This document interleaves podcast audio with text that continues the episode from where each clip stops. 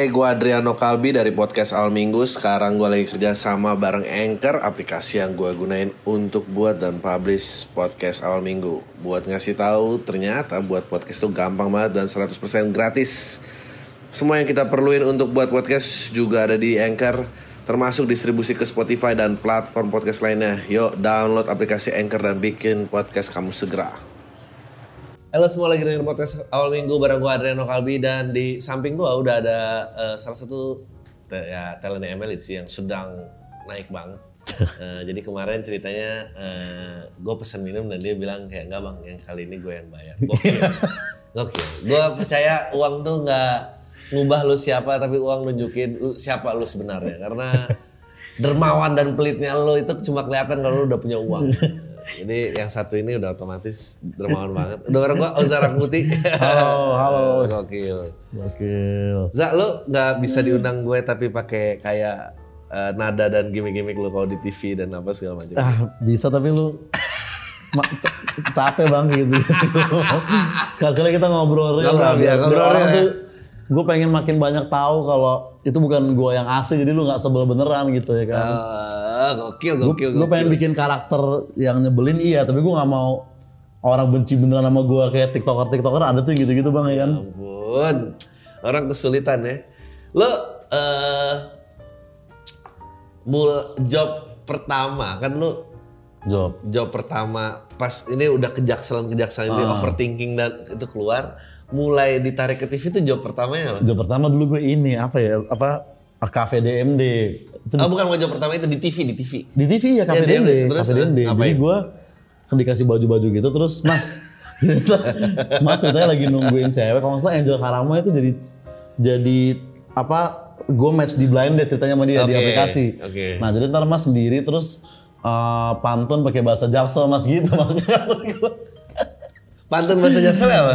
pantun gue waktu itu apa ya kayak jalan-jalan sambil overthinking gitu Oke, gitu pokoknya oke. pakai gue apa ya lupa gue terusannya apa tapi gue bikin lah pantun bahasa Jaksel Jangan-jangan sambil- sambil overthinking. Apa ya? Cakep gitu semua. Iya Nah, gitu, iya gitu semua, gitu semua.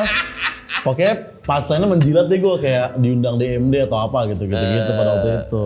Itu itu pas nyampe di titik itu di kepala lo isinya apa sih? Di kepala gue itu gue masih berasa kayak ya orang ngerti lah ya ini gue nyindir ya masih begitu gue mikir. Ternyata kagak gitu. Oh, enggak. kayaknya case-case lain pun juga nggak nangkep gitu Iya, kan. Jadi iya, ada iya, iya, iya. yang mereka kira mungkin emang gue viral karena gue emang anak jaksel beneran yang viral karena itu gitu. Aja aneh banget ya. Makanya gue dulu kayak merasa ada kewajiban buat jelasin kayak bang ini gue cuma bercanda tapi kayaknya Sar sarkasm tuh emang susah ya berarti. sarkasm memang susah ternyata ya. Eh, gitu. Waktu lapor pak, lapor pak juga kan? Lapor pak ya, iya lapor pak juga. Terus membedah-bedah jaksel gitu.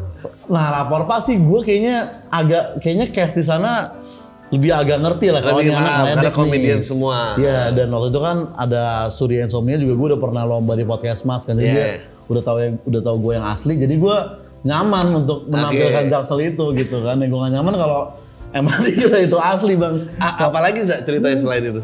Selain lapor pak Enggak, selain yang orang bener-bener nyangka lu tuh asli di set asli, terus lawan main lu juga kayak nggak paham. ini gue waktu itu kayak interview-interview live IG gitu kan. Eh. Terus pertanyaannya tuh kayak eh, apa eh, nongkrong di Jaksel tuh yang enak di mana? Terus terus kayak, terus kayak apa biaya biaya ngedate di Jaksel gitu-gitu kan lifestyle Jaksel. Nah padahal tuh yang interview gua itu dia pakai pot sama topi yang Eni gitu. Iya. Terus ada ada satu orang yang komen kayak kayak sebenarnya hostnya nih yang lebih jaksel dibanding Oza gitu. Gue bilang untung ada ada lu nangkap satu gue udah puas dah gitu. Yang lain nggak ngerti apa apa gue bilang. Dalam hati gue juga kayak lu yang jaksel bangsat atau lu yang tahu ini.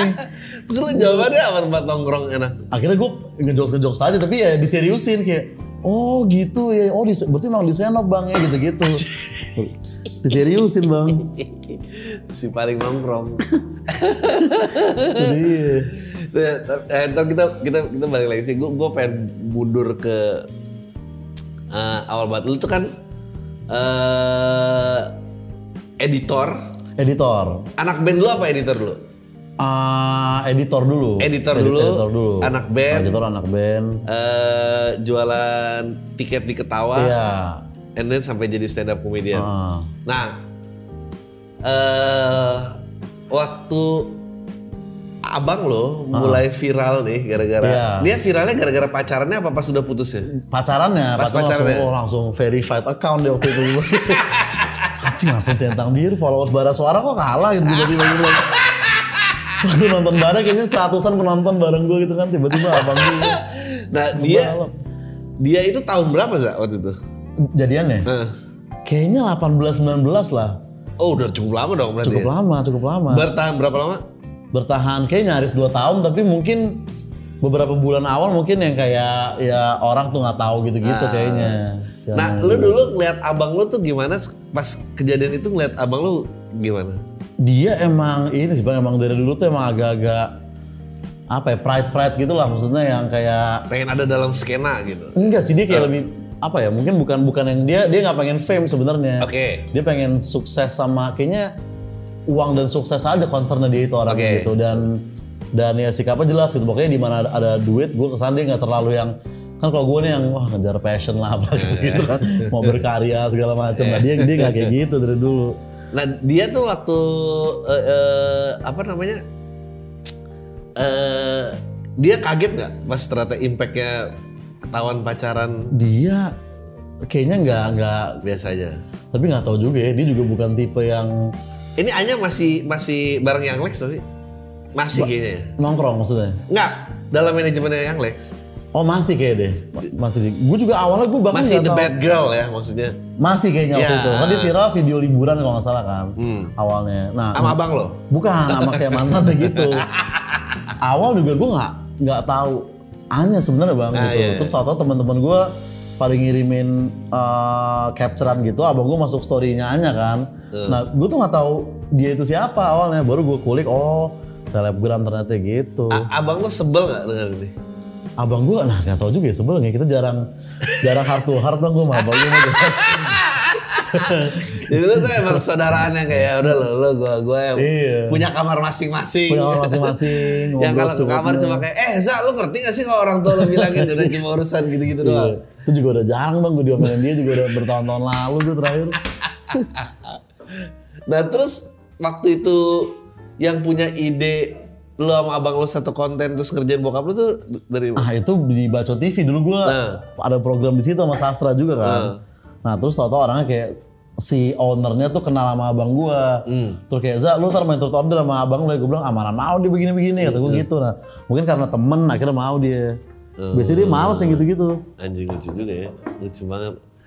Eh nah lo kan sebelum jadi lo kelar kuliah Gue kelar kuliah 2000 berapa ya 13-an apa 14-an gitu lupa gue bang. kena kenapa pengen eh, nah waktu lulus kuliah bayangannya lo di dunia ini bakal hidup jadi Nah apa? waktu lulus kuliah gue kan gue videografer tuh, nah gue bayangannya dulu ya director-director Joko Anwar gitu-gitu. Ah, lo jadi punya impian mau jadi sutradara nih Ada ya? mau jadi oke. saudara, mau jadi musisi juga, ya itu masih kayak gue lulus kuliah masih banyak impian-impian gitu, Ah. bang ya kan. Beberapa temen gue ada yang satu impian gitu. Gue dulu juga mikir kayak sebenarnya banyak goals tuh salah atau justru bagus gitu ya kan. Kayaknya harusnya satu deh gue kejar, gue sempat mikir gitu Ah. juga. Tapi lo ngerasa kayak kayaknya gue gak mungkin jadi sutradara. Iya karena gue nggak ngerti ya waktu itu kan kamera kendala gue, gue ngerti ngeditnya doang. Kayak Oh. kalau editing gue paham lah, tapi kalau kamera gue nggak terlalu paham. Udah segitu doang, abis itu lo berhenti gitu. Anjing banget, udah. Enggak sih gue, gue kayak ngantor terus kayak, wah kayaknya tangga menuju sutradara nih belum tentu tangga yang gue sanggup gitu untuk jalanin. Samping gue aja kayak udah udah berapa tahun gitu kan gue, wah gimana caranya? Kan kayaknya sulit gitu bang. Tapi emang itu menurunkan moral sih kalau lo deket duduk satu meja gitu sama teman seprofesi, Heeh. terus kayak udah jauh lebih tua gitu, terus kayak kenapa dia masih di situ ya? Kalau nasib gua kayak dia tuh, Iya ada ada gitu-gitunya. Gimana ya, Ada gitu-gitunya. eh abis itu band.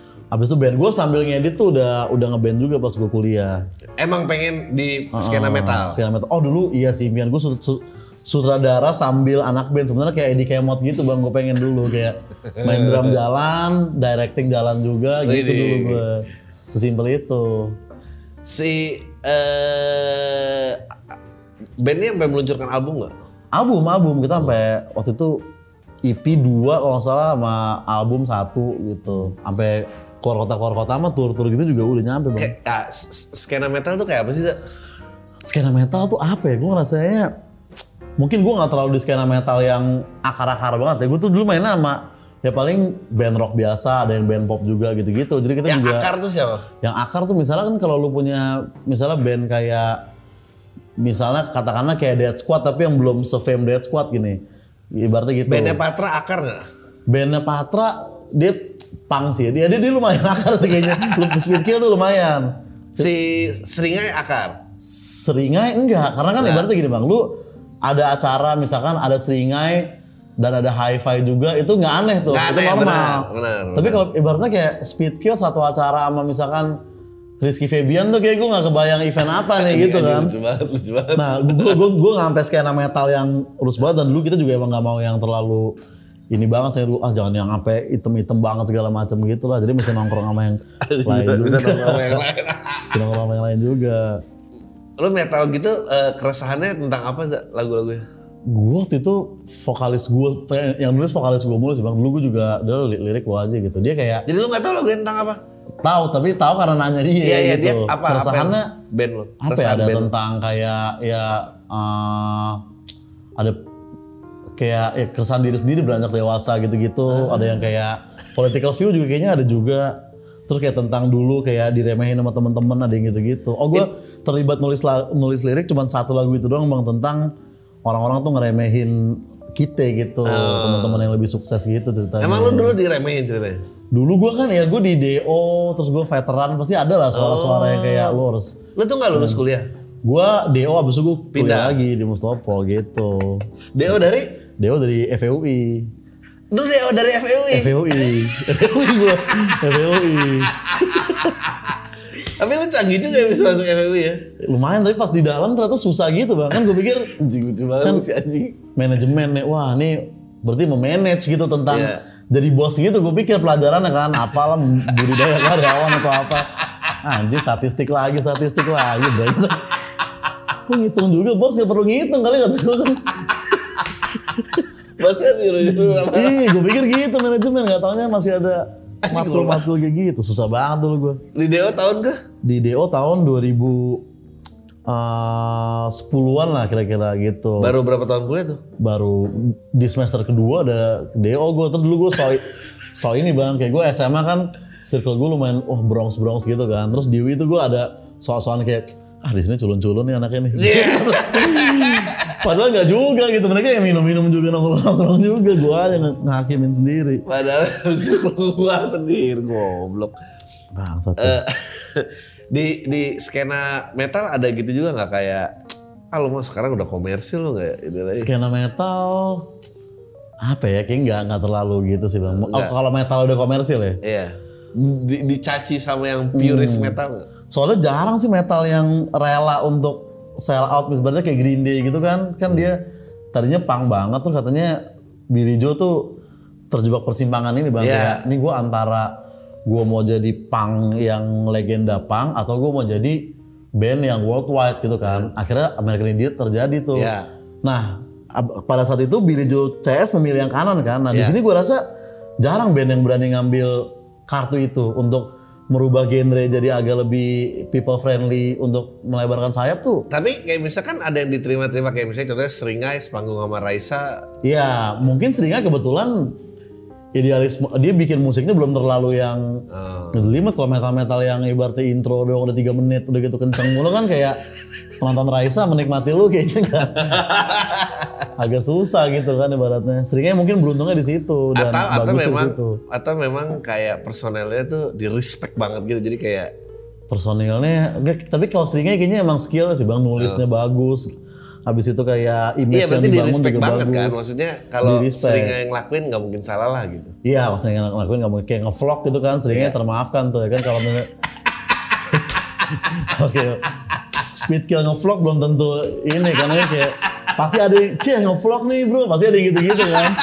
kalau seringnya pantas. Nah, si metal-metal ini ada yang transit gak jadi penonton stand up lo? Penonton stand up gua ada beberapa yang tahu, misalnya kayak uh, wah oh lu dulu yang drummer itu bang gitu ada beberapa. Oh, oke. Tapi jarang sih bang yang transit ke uh, komedi kayaknya ya. Jok, kalau Jok lu sekarang gitu terus suruh MC event metal kemakan nggak? Gue pernah nge-MC event ini sih, event ya musik lah ya, bukan metal semua, tapi lumayan lah ada kayak empatnya band metal gitu. Gue suruh nge-MC sendiri dan gue mau karena dulu gue manggung di acara metal itu ibaratnya zaman dulu Oke. ya kan. Ya lumayan sih bang, gue ya Ah, kepegang. cek riffing-riffing aja. Cuman gue nggak bawain kayak apa bahasa-bahasa jaksel itu kayak ditibukin gue. Pada ke sini dengerin metal karena overthinking ya. Iya enggak. Ya, bahaya. itu. Nah, lu, sebelum maju lagi nih ya. Menurut lu eh metal tuh mungkin gak sih jadi lebih luas lagi maksudnya punya pendapatan bukan jadi komersial sell out Iya. ya, tapi maksudnya punya pendapatan saya ada sponsor brand bisa masuk apa gini-gini gini. Ah, Kayak emang semuanya apa anti establishment semua.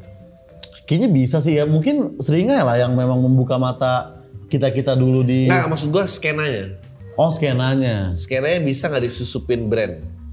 Wah, mungkin, Event. mungkin bisa ya. Tapi kalau acara underground ada sponsor kayaknya jadi Rusak. agak rusak mungkin menurut gue. Kalau kayak tapi tergantung ya. Kalau kayak acara di Rossi gitu kayaknya ada sponsor kayaknya kurang kurang dapat esensinya. Tapi kalau festival kan bisa. Kayak misalnya kayak Hammer Sonic gitu-gitu kan bisa gitu. Ya terus kalau itu nggak bisa dimasukin gimana survive-nya orang-orang? Ya mungkin ini aja off air Off air, off air, off air. off air doang kalau band metal yang kayak gitu mungkin ya. Anjing. nah, lo abis itu kenapa ke komedi? Gue dulu kayak ngerasa ini aja kayak, wih canggih ya sebenarnya orang stand up gitu. Lo bisa model mic doang bisa kayak nahan orang misalnya satu jam dua jam gitu kan. Karena gue biasa Ya, itu musik siap- kan repot bang. Kita siap- siang tuh cek sound dulu Iya. ntar apa ya gitu-gitu kan. Nah gue anjing stand up nih kayaknya. Gue mikir nih apakah lebih sulit apakah lebih mudah apakah lebih nikmat apakah lebih nggak nikmat gitu-gitunya. Penas rasa lu penasaran lihat itu. Siapa? gue ngeliat eh, yang bikin gue sampai pengen nyoba tuh bang Radit yang 2019 yang di YouTube itu ya SUCRD Gokil, gue sangat gak menyangka sih. Ternyata lu liatnya Radit, maksudnya gue kira Iya. lu uh, Paji gitu atau yang bikin gue pengen nyoba tuh Radit, Radit. Radit, yang bikin gue pengen nyoba. lu nggak ngerasa ah ini mah kurang metal jiwanya nggak gitu? Justru di situ kan gue udah mulai-mulai mungkin udah ada keresahan-keresahan lain yang kayaknya jadi kadang kalau kita kayak ngeluh di tongkrongan doang gitu-gitu kan gue bilang nih kayak gini sebenarnya dia kayak ngeluhin aja hidupnya dia tapi bisa jadi keren begini gitu. lo keresahan lo apa sebelum jadi jaksel sentris anjing? Keresahan gue dulu eh, keresahan utamanya gitu ya apa ya? Hmm, iya ya apa bang? Ya mungkin terkait Udah kesuksesan banyak duit ya? kemapanan. Nah, gitu. Udah banyak duit ya, jadi lupa ya keresahan yang lama. Anjing enggak lah. Sukses mapan mapan umur gitu-gitu standar sih apa Kayak ya, umur, uang umur gue dan- segini tapi uang gue masih segini-segini iya aja kayak gitu-gitu gitu. bang Oh. apalagi kita kan dikasih contoh kayak ada itu kan kabar-kabar beredar kayak eh si ini tuh kerja Iya. dua hari dapat sekian gitu-gitu kan Iya, gue iya. bilang anjing kok jauh banget ininya sama gue gitu gimana gue mau ngejar itu gitu-gitu kan Dan pada saat itu eh, penghasilan jadi editor bro. editor gue pertama gue kerja ngantor tuh UMR gue plek kan kalau dulu UMR 4 juta ya itu gaji gue 4 juta nggak ada nggak ada uang lembur nggak ada uang kalau kerja weekend nggak ada ya udah pas di UMR gitu Sekarang teman-teman kantor lu gimana ngeliat lu sekarang? tuh sempet ke mana ada syuting apa endorsement dari sini juga ternyata bos PH gue dulu gitu Anjir, oh terus? gila saya lu sekarang bla bla gitu gitu, LCS lah itu lah Oke, nah tapi lu udah merasa sukses, sesukses itu belum? Gua ya kalau dibandingin Mending gue aja gitu kan. bukan bukan maksud gue dibandingin sama gue yang dua tahun tiga tahun belakang mah udah ya bersyukur lah gue Eh. harusnya lah ya sukses tapi ya masih banyak lah yang pengen gue Nih, lakukan gitu ya kan lakukan ya kan nah lu sekarang melihat fame tuh sekarang gimana Zak? Masih sesuatu yang kayak oh, lu gue lu nyaman atau fame gue masih nyaman tapi itu kadang ke- orang kalau misalkan ketemu gue di jalan tuh ada yang biasanya kalau ngikutin gue dari dulu itu kayak ada respect ya bang kayak weh bang gue podcast lu gue demen gue bla bla bla bla. Tapi kalau yang tahu gue dari Jaksel aja biasanya dari kayak gitu respect respect kayak, kayak weh bang Jaksel gila gitu. FWB lu mana FWB lu? Anjing lah gue bilang. Bangsa. Langsung lempar-lempar diksi aja gitu biasanya. Lempar-lempar diksi dong, FWB lu. Kalau yang tahu dari TikTok biasanya kayak gitu-gitu. Tapi ya terus disyukuri lah bang ya kan. Dulu gue pengen banget digituin orang kan. Diajak foto gitu-gitu.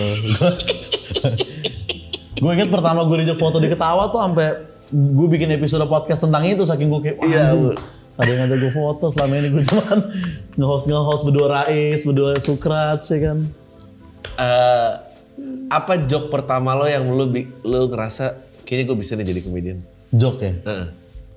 Joke pertama gue yang oke gue bisa Yang bikin kayak kayaknya gue bisa nih jadi komedian. jadi komedian dulu gue eh oh berarti joke pertama yang works banget gitu Iya. ya ini oh gue tentang oh metal juga Iya. nah jadi dulu gue misalkan datang open mic gak pakai baju metal gue gak mau naik bang karena closing gue selalu tentang jadi kan gue opening gue nih pemain band metal terus gue cerita virgin virgin virgin terus terakhirnya gini kayak gue tuh suka di, di- diremehin sama teman-teman metal gue gitu Iya. kan kayak ah lu masa anak metal masa nggak seks bebas gue bilang bro metal tuh bukan tentang Iya. seks bukan tentang ini bandel-bandel metal tuh di sini gitu kan nonton gue terus baru gue yang penting merchandise gitu Anjing, kata-kata ya. gitu simpel simpel itu gue applause break gue seumur hidup pertama kali tuh jokes itu Oh. dan di versi Inggrisnya waktu itu bang pertama gue dapat applause break tuh Eh, itu tuh jadi emang delivery sarcasm tuh memang udah ada di lu ya sebelum iya sebelum ke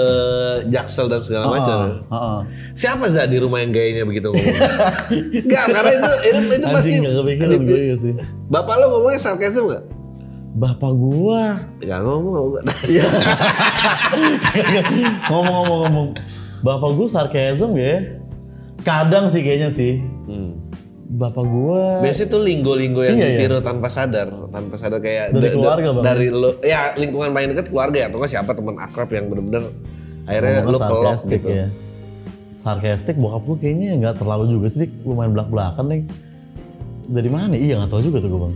Gue harus cari orang-orang terdekat gue zaman dulu mungkin untuk cari siapa yang sarkasm ya. Kak, eh, terus abis itu mul- mulai jadi obses kayak luar negeri lo ngikutin siapa aja? Luar negeri dulu gue gue sempat nonton eh, Louis C.K. waktu gue Oke. eh, SMP SMA gitu. Tapi Wow. seriesnya, seriesnya Oh Louis, Louis. Louis iya. Oh, gila, Louis bagus banget. Heeh, tapi kan, nah itu yang gue kaget kayak, wah dia nih. Jadi kan sebenarnya itu agak aneh bang kalau buat orang yang gak ngerti stand up kan. Jadi awalnya cerita sedih sekitar kayak Ya. katakanlah 15 menit, tiba-tiba dua menit terakhir dia stand up kan. Gue bilang Ya. kayak, wah, oh dia apa pelawak gitu kayak. Nah, sama dulu pas gue kecil tuh bokap gue pernah nonton ngasih gue nonton uh, Raw uh, uh, si ini Eddie, Eddie Murphy. Wah nih, ini lucu nih Sa. dikasih tonton kan gue sama abang Wow. gue gitu yang, yang Wow. yang ketawa dia doang kita gak ngerti kan kayak Oh, wow. mana mana lucunya gitu gue masih SD kalau nggak salah Oh wow. Dikasih lihat Raw wow, itu. Wow, wow, wow. Gila bokap lo ini Murphy. banget ya. hmm, dia tuh oh gue dikasih dia sama videonya George Carlin dulu Oh yang wow. jokes jokes agama gitu kan gue dulu kayak serem banget Jadi di rumah lo ngejok tentang agama bokap lo? Enggak, dia, dia Nggak, maksudnya, dia maksudnya kayak gitu gitu diputer iya di video. Ah, Oh wow. dan dulu gue ngeliatnya serem gitu bang karena kan Iya benar. George Carlin juga penampakan kan agak-agak lumayan kayak Seram, seram, seram. dan dia stand up-nya kan kayak apa ya kayak nge-preach gitu kan gue bilang Iya. wah ngeri nih orang Itu udah udah yang pas tuanya tuh. Iya. Udah angry old man banget. Kayak anjir dia Hmm. udah gak percaya agama ngina-ngina Tuhan maksud gue bilang ngeri banget itu. Raw Gitu. tuh gua rasa eh yang mungkin eh, kalau ada satu orang yang bertanggung jawab komedi akhirnya punya skenanya sendiri tuh ya Eddie Murphy. Eddie Murphy ya? Karena dulu eh komedian tuh cuma jadi opening act-nya musisi, maksudnya Oh. di gengnya Frank Sinatra Red Pack pun juga ada komediannya satu di situ. Saya eh, dia nggak pernah punya panggung sendiri sampai tiba-tiba Eddie Murphy jadi mega superstar banget. Oh gitu dia ya. cuma bu- dia pu- eh, sebetulnya stand up dulu terus tiba-tiba jadi mega superstar. Nah, Hmm. dua stand upnya Raw, eh, Delirious sama Raw. Nah, Raw itu tuh menurut gua eh kalau lu nonton Delirious, lu akan ngeliat kayak wah gila nih textbook textbook komedi stand banget. up. Iya, Ah. textbook stand up. tapi begitu raw ya sesuai dengan judulnya itu udah nggak pakai rumus, udah nggak pakai apa, Oh. bener-bener udah wah udah hampir mirip sama Sumpah Serapah gitu. Iya iya iya iya. iya. Nah kalau lu nonton Louis, Louis itu menurut gua kayak versi Seinfeld on steroids. gitu ya. David on steroid. Jadi Seinfeld pun juga kayak gitu. Jadi Eh, gue Adriano Kalbi dari podcast Al Minggu. Sekarang gue lagi kerja sama bareng Anchor, aplikasi yang gue gunain untuk buat dan publish podcast Al Minggu. Buat ngasih tahu, ternyata buat podcast itu gampang banget dan 100% gratis. Semua yang kita perluin untuk buat podcast juga ada di Anchor, termasuk distribusi ke Spotify dan platform podcast lainnya. Yuk, download aplikasi Anchor dan bikin podcast kamu segera eh point of view-nya point of view Seinfeld sebagai stand up comedian biasanya di dibuka show-nya pakai dia stand up, Dia stand up, terus kejadiannya ah. and ditutup pakai stand up lagi. Iya. Nah, Louis take that format Hmm. into lebih jauh lagi. Tapi kayaknya Louis dulu nggak kan Seinfeld sitcom kan ada laughing Ya, track-nya gitu kan. Kalau si Louis kayaknya Nggak nggak live audience. malah dia agak apa agak drama kayaknya Betul. cerita-ceritanya menurut gua. Karena dia lebih makanya dia tuh lebih grim, lebih gelap lagi daripada dibanding gitu. Seinfeld ya? karena emang hidupnya beda sih. Ya st- stres memang ya Louis C.K. ya. Ya, ya Sein- favorit gue sih se- sedunia sih dia sih bang komedian. Louis C.K. Iya, bang. Gue juga. Louis C.K. juga lo. Gue juga. Gue eh pertama ya gue pertama suka eh ya pertama pasti Eddie Murphy ya pertama Hmm. Eddie Murphy and then eh oh enggak mungkin pertama kali ketemu tuh mungkin Russell Peters kali Russell Peters and then terus gue nyari-nyari yang Yang pertama lama lu temuin itu kan. Nah, yang pernah gue temuin and then gue mulai Eddie Murphy abis Eddie Murphy gue suka Chris Rock sama Seinfeld karena menurut gue Chris Rock sama Seinfeld tuh oh kalau lo mau belajar komedi nih lu lihat mereka Iya, nih yang benar tuh kayak begini gitu ya. Abis itu wah seneng yang pinter-pinter kayak Carlin, kayak eh Bill Maher gitu-gitu. Oh. Yang wah politik apa dan segala macam. Abis itu ketemu Louis C.K. gue baru kayak wow ini ini, baru nih, Ha, ini Ah. baru gitu kayak dia udah nggak bisa dibedain banget. Ini orang lagi ngejok apa Iya, lagi iya, telling iya, the iya, truth iya. ya gitu dan ilusi itu yang aneh. Ya udah abis dia ketemu Bill Burr oh, udah makin-makin tuh udah makin oh ini dia nih Oh, gitu ini. kayak menarik sih gitu. Nah, oke. Nah, sekarang gue bertanya, lu Nah, kita jadi komedi geek nih. Nah, sekarang lu ngelihatnya eh si gimmick Jaksel ini menjauhi lu dari Louis C.K. apa? Gimmick Jaksel ini ya kalau di gimmick TikTok Jaksel sih ini sih membawa gua ke C gitu. jadi BA banyak brand tapi iya tapi kalau kalau ke arah Louis ya kan yang penting itu gue mikirnya ya udahlah gue ketika off air masih kayak begitu gitu aja Oke, Bang. kalau di TikTok oke. juga mungkin Louis. CK juga nggak akan mau mengambil ya ya. ya. itu ibaratnya kan kalau Louis di posisi gue mungkin enggak gitu Eh, tapi kalau stand up ya masih nulis gue masih berusaha berusaha kayak dia gitu kan delivery dan lain-lain gitu eh, terus waktu itu kan apa dulu yang rekan sejawat lo jualan tiket tuh Sukra Sukra sih ya, sama Sukra. siapa Rais Rais sama uh, Rais dulu sound ya kan. Eh. Uh, Ilham tuh Sama Ilham. jaga pintu. Nah Eh. kalau yang tiketing emang gua sama emang gua sama Sukras berduaan itu di- Eh. gua sama dia. terus mereka apa rasanya setelah lo tinggal jauh Rais juga sukses juga bang. Dia kan di Radit segala macam. Eh, Ilham di betul. Suci sekarang. Sukras nah, dia sempat ngilang bang. Sempat kayak enam bulan dia nggak open mic atau gimana kerja buat buat youtuber nulisin apa gitu segala macam. sebenarnya gitu kan. Sukras is very talented menurut gua Iya, tapi dia nggak mungkin nggak ngontennya bingung gitu. Kadang kan komik gitu kan di offer nih tujuh terus nih. Tapi kalau konten kayak gue bikin apa ya? Kadang gitu kan. dan Sukras tuh menurut gua paling susah karena kalau dia perform kan energi levelnya tuh kan rendah ya Iya. Maksudnya, ah. jadi kadang tuh yang energi rendah tuh ketawa nggak segede yang wah yang yang ngotot neken banget gitu, gitu. yang tapi tapi dia masih dapat yang kayak anjing nih jenius loh orang ini nih gitu Dia nulisnya tuh jago bang, sukses menurut gue. jago banget Dia waktu itu gue kan gue saranin bikin dulu ini aja apa orang India marah-marah gitu. Jadi lu kayak lu lu mau nolok tapi lu pakai India. Tapi ada ini bang apa? Gue bilang lu selipin swear words swear words India gitu. anjing goblok banget Nih, nih, misalnya gitu-gitu kan. Anjing. Semua tuh kayak, iya kan bagus tuh dia, tapi nggak mau dia. ya nggak mau lah anjing tapi kan dia sendiri kalau stand up, India mulu, India mulu. Bahkan dia ke India juga nggak pernah tuh orang bang, anjing banget emang. nggak nggak nggak. dia dia nggak akan berani di depan Men- komunitasnya anjing Iya, gitu. iya sih benar sih. Eh, terus jadi lu kayaknya lu tuh masih menikmati ya. Maksudnya nggak ada acara TV yang drain kayak anjing ini berat juga nih nggak. Acara TV enggak sih gue gue masih menikmati. Iya. Undangan TV juga masih masih asik aja gue ngerjainnya. Fi- Gitu. Film belum ada. Film waktu itu ada yang satu scene gitu kayak cameo doang, tapi kayak belum tayang gitu. Hmm.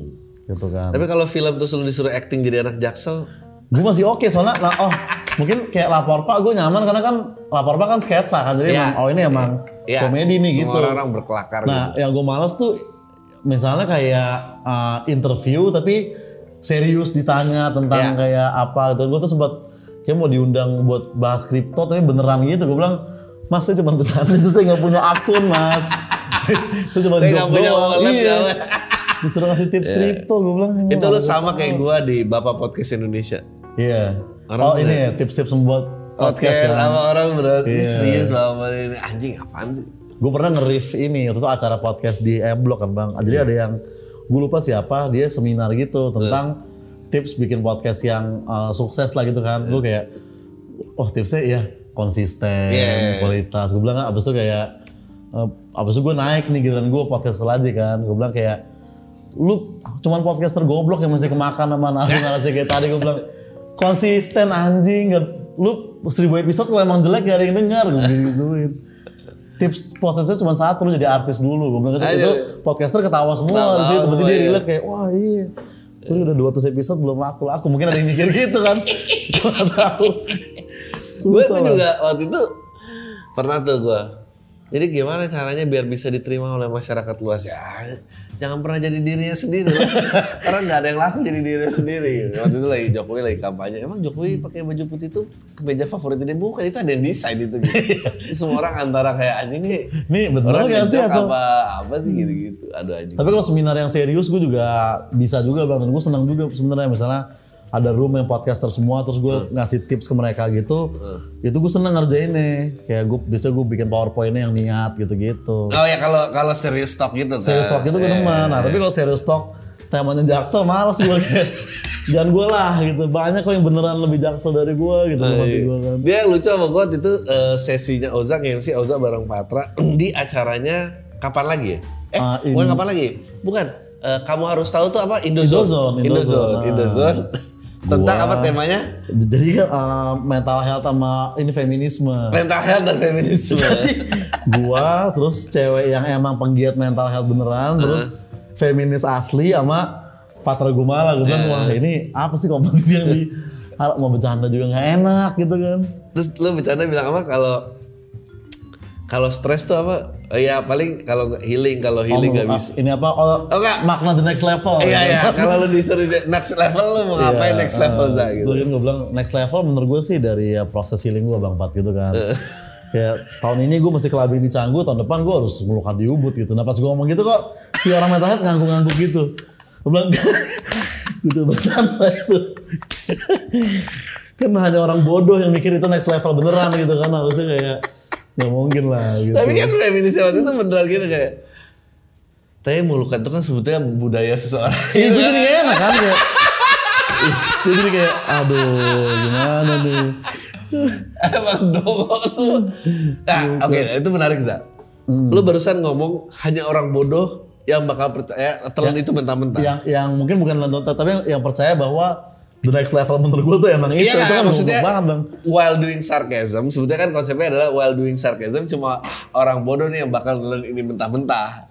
Iya, Ya kan? Terus iya, dia iya. entah dia jadi tersinggung, eh, dia jadi seriusin, Ha. atau dia jadi tersinggung kayak brengsek nih orang gini-gini. iya Nah, iya iya iya iya Distorsi itu terjadi kenapa Zak menurut lu mungkin karena ada orang yang menurut gue yang yang gak ngerti tuh harusnya yang cuman kalau kalau lu cuma nonton satu video oke lah lu ngira itu gue yang asli lah Oke. gitu jadi mungkin kan kalau misalnya gue cuma bikin video kayak misalkan gini bang kan kayak gue bikin jadi di TikTok tuh banyak konten-konten ngeprank cewek tapi kameranya ditaruh gitu Ya. Tapi ini pranknya prank bener gitu, prank beneran kan. Nah, gue bikin video sama Firda di mobil kan. Scripted dong tentunya kan. Itu aja banyak yang ngira itu kejadian asli gitu. Dipikir sehari-hari ya Firda memang cewek gue dan interaksi kita memang kayak gitu. Gue bilang, mana ada orang mau pacaran sama cowok kayak gitu sama hati gue. Ya tapi gue di maksud situ, kenapa orang nggak bisa terima? ya. Maksudnya nggak nggak nggak ngerti gitu. Mungkin karena Enggak, ya, maksudnya ah, enggak. Tadi yang menarik adalah Ha- kan lu bilang hanya orang muda. Emang apakah Hmm. kepintaran tuh emang ada sangkut pautnya gitu? ya ya mungkin kayak Iya nggak ada sih harusnya. Ke ini apa? Apa kenyimakan aja kenyimakan kenyimakan kayak misalnya kayak misalnya gue kira eh, Haji Bolot beneran tuli itu kan goblok kan? Ya. tapi kalau gue cuma ngelihat Ajis gagap 5 menit dan gue kira dia gagap beneran mu- mungkin aja. Ya kan? Misalnya gue cuma nonton satu episode OVJ gitu. Ada aja pasti menurut gue gitu kan. Babi. Gitu Nggak, sih. Gitu loh.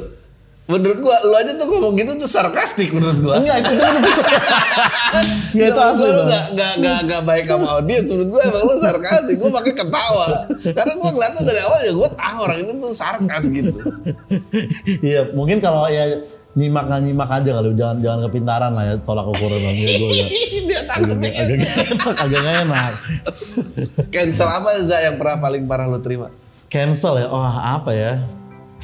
Eh cancel gue belum pernah yang dari masyarakat yang ini sih bang, belum pernah Iya. yang sampai gede banget. Paling kalau haters haters kayak gue bahas apa dulu gitu kasus pas gue masih bahas current news tuh banyak tuh Hmm.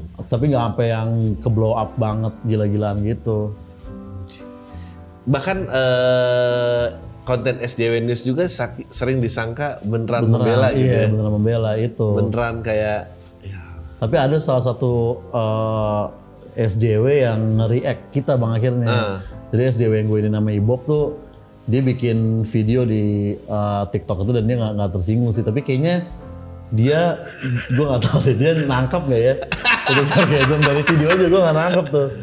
Dia tahu apa enggak? Tapi emang ada menurut gua orang tuh tersinggung karena ada beberapa orang yang emang ngerti komedi, ada beberapa orang yang nggak ngerti komedi aja. Hmm. Gua salah satu konten sarkasm terhebat itu ada namanya sekarang dia udah jadi eh, host Tonight Show. Tapi sebelumnya dia dulu punya acara namanya Colbert Report.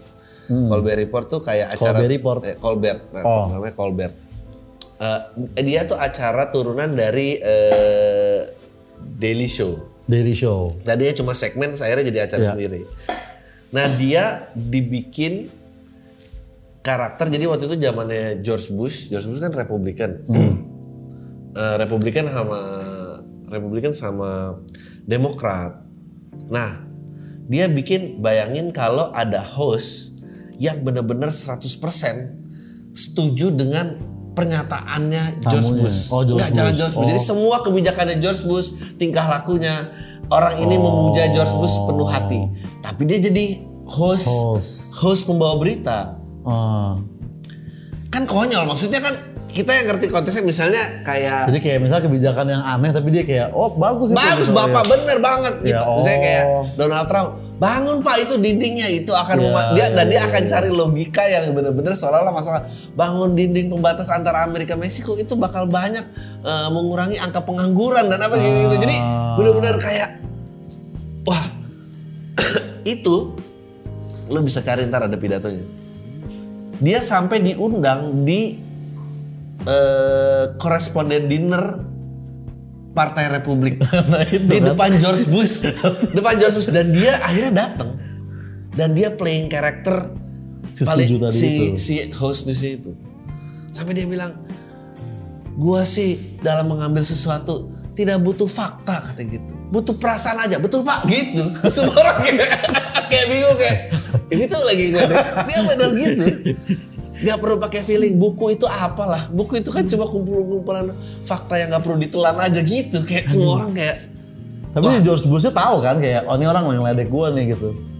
enggak Enggak tahu. Enggak. George Bush nggak tahu. George Bush sama anggota dewannya semua nggak tahu. Jadi dia kayak ini orang salah. Jadi semua tuh nonton kayak dalam keraguan-raguan gitu kayak Ini bercanda dia atau? lagi bercanda apa lagi dia lagi nyindir gua apa lagi dia emang dukung George Bush ya gitu. Wah, berarti Wah itu gila banget men. tipis banget dia antara kenyataan sama sarkasm. Bener-bener karakter itu di dalamnya lu nonton deh. Dan dia katanya sampai diuber-uber abis itu. Iya, karena penghinaan terhadap presiden depan di muka. depan presiden. Iya, anjing. Tapi menghinanya pakai sarcasm yang bagus banget. Saya presiden kayak iya bener-bener. Iya sih, harusnya sarkasm nggak bisa diinin juga kan. Kalau misalkan, wah lu menghina lu, lah kan gue bilang gue setuju tadi Iya gimana lu? benar, itu way out, gitu way kan. out kalau lo di sidang lo ngomongin ini ini ini ini. ini. Iya. Ya, ya oke di mana penghinaannya gitu kan. Ah, gitu ya, Colbert. Colbert Report ntar gue gue kirim deh gitu. Eh, gue pengen ngomong apa lagi? Gue kebanyakan cerita diri sendiri. lo nggak bayangin, lo nggak bayangin karir lo apa sih impiannya sekarang?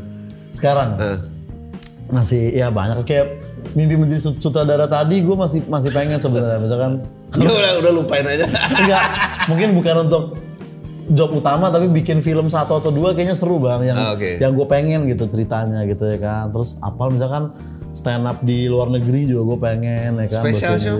Special show juga pengen juga Ah. special pengen juga gitu Jadi jadi eh, eh, lo nggak mau menyampaikan maaf kenapa ada dua kota yang terganti?